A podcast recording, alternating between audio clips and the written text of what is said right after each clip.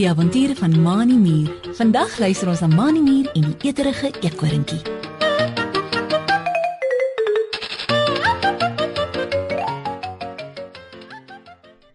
Mani Mier stap in gedagte al met die veldpaadjie langs van die skool af huis toe.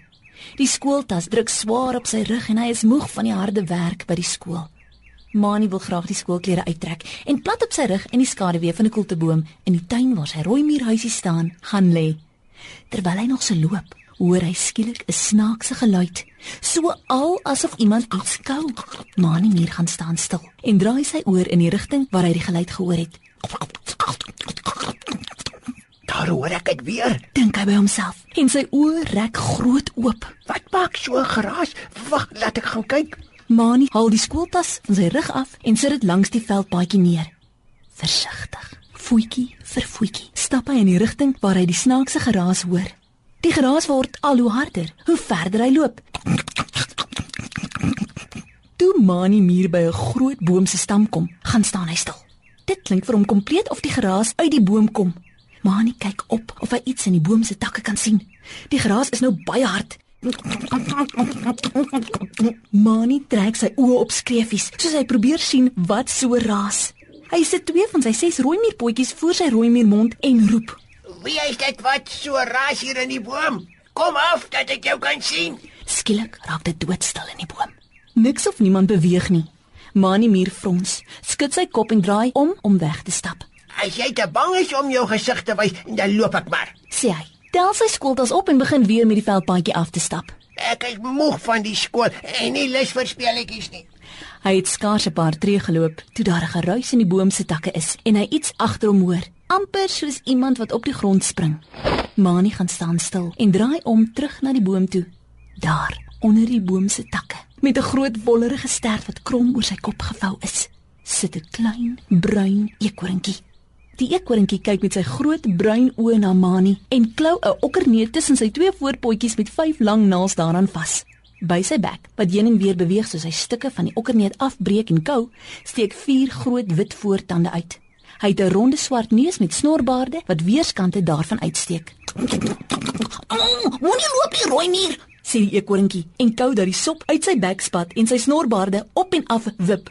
Ek wou nie speletjies met jou speel nie. Ek is Elroy Ekoring en het net geskrik toe jy skielik onder die boom roep. Jam jam jam jam jam. Hierdie okkerbeeld is baie lekker. Wil jy nie ook daarvan proe nie? Daar is nog baie waar hierdie vandaan kom. Jam jam jam. Die eekorinkie wip spring nader na waar Mani Mier nog in die veldpaadjie na hom staan en kyk.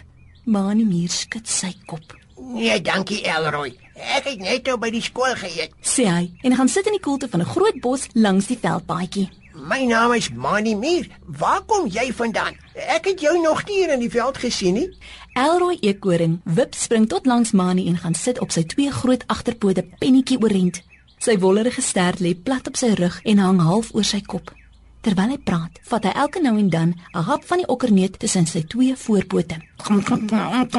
Ek en 'n klompie van my maats het hier naby langs die rivier gespeel. Jam jam jam jam. Toe ons nog so tussen die bome rondspring, kom ek op 'n okkerneetboom af. Ons het ons trobbeldik geëet.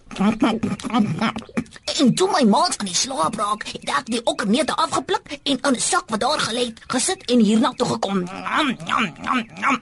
Mani Mier frons en kyk half kwaai na Elroy eekoring wat al te lekker sit en eet aan die okkerneet tussen sy twee voorpote. Dis nie reg dat jy so gemaak het nie, Elroy. Sê Mani en bedui met sy voorste twee rooi muurpotjies. Hoekom het jy nie van die okkerneute vir jou maat gelos nie? Wat moet hulle nou maak as hulle wakker word en van die neute wil eet, maar daar's niks oor nie? Elroy eekoring glimlag net en sê tussen die happe deur: Hier in die veld is dit elkeen vir homself. Dan net hoe lank sou dit vir my geneem het om al daardie okkerneute te gaan soek? En daar kry ek dit alles op een slag in die boom. Jam jam jam jam. Nee, wat? Ek het die okkerneetboom eers gesien. Niemand kan kla nie. Elroy eekoring knyp sy oë toe en leun agteroor teen 'n klip en eet al te lekker. Mani Mier wonder nog wat hy kan doen om vir Elroy eekoring te laat ophou om so selfsugtig te wees. Toe hy 'n bekende stemmetjie 'n entjie van hom af in die veldpaadjie hoor roep. Moni! Moni Mier! Wag daar vir my. Toe hy opkyk, sien Mani sy beste maatjie Drietjie Dassie aangespring kom.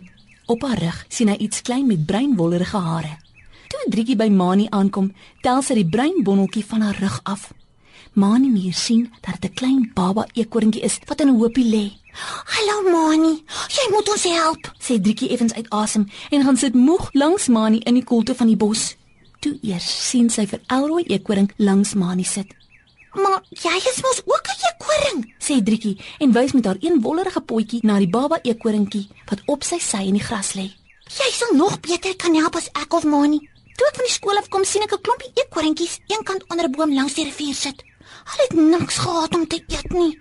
Iemand het al hulle okkerneute gesteel en hulle was bekommerd oor hierdie baba eekoring wat sal doodgaan as hy nie gou kos inkry nie. Ek het gesê ek sal gaan hulp soek om op my rug getel en hiernatoe gehardloop. Weet jy waar ons kos vir die baba eekoring kan kry? Mani Mier kyk kwaai na Elroy eekoring wat sy kop plat sak het. Hmm, wat het jy nou vir jouself te sê, Elroy? Vra Mani, staan op en stap na die baba eekoringkie wat op die gras lê. Terwyl hy oor die eekoringkie se wollerige kop vryf, sê hy: As my maatjie Triekie Dassie nie op jou mats en hierdie hongerbaba eekoringkie afgekom het nie, was daar nou groot moeilikheid. Ons moet dadelik van die okkerneute vir die baba eekoringkie gee en ook vir jou mats. Elroy eekoring loer skamerig onder sy ooglede eers na Mani en Driekie en toe na die baba eekoringkie. O, oh, ek is baie jammer oor wat ek gedoen het, Mani en Driekie. sê hy en staan op van waar hy langs Mani gesit het. Dit was selfsugtig van my om al die okkerneute vir myself te hou. Dit is omdat ek so eterig is. Ek kan die okkerneute net nie uitlos nie. Maar dit was verkeerd van my. Kom, ek gaan al die stok in die boom, dan gee jy hulle daarvan vir die baba eekoring. Ek sal die res na my maats by die rivier neem. Elroy eekoring wip spring na die boom waarin hy gesit het. Dit was nie hoe te lank nie of hy kom steun steun met 'n sak vol okkerneute uit die boom geklouter. Elroy sleep die sak tot by Maan en Driekie en gooi 'n klomp okkerneute daaruit, Gee so lank van hierdie okkerneute vir die baba eekoring, Mani en Driekie. sê hy en gooi die sak met die res van die okkerneute oor sy skouer. Ek gaan gou hierdie in die sak van my maats vat. Hulle moet seker ook al baie honger wees. Elroy eekoring wip spring met die sak met okkerneute daarin wat hy agterna sleep weer tot by die boom. Klouter daarteen op en spring van die een tak na die ander om die okkerneute vir sy maats te vat. Driekie dassie tel een van die okkerneute op en kap dit met 'n klip stikkend. Toe stap sy na die baba eekoringkie, lig sy kop op en hou die stukkies okkerneut by sy bek. Hier so baba eekoringkie. sê sy en glimlag bly toe die baba eekoringkie van die okkerneute in sy bek neem en dit begin kou. Na so 'n rukkie en 'n klompie okkerneute in sy maag, sit die eekoringkie regop en kyk met glinsterende oogies na Mani en Driekie. 'n Rukkie later het Elroy en sy maats daar aangekom, baie bly om te sien dat dit goed gaan met die baba eekoringkie. Elroy eekoring het almal om verskoning gevra dat hy so selfsugtig was en net aan homself gedink het. Mani en Driekie het nog 'n rukkie by die eekorings gekuier, baie bly dat hulle kon help en toe moeg na hulle eie huise toe gegaan om te gaan rus.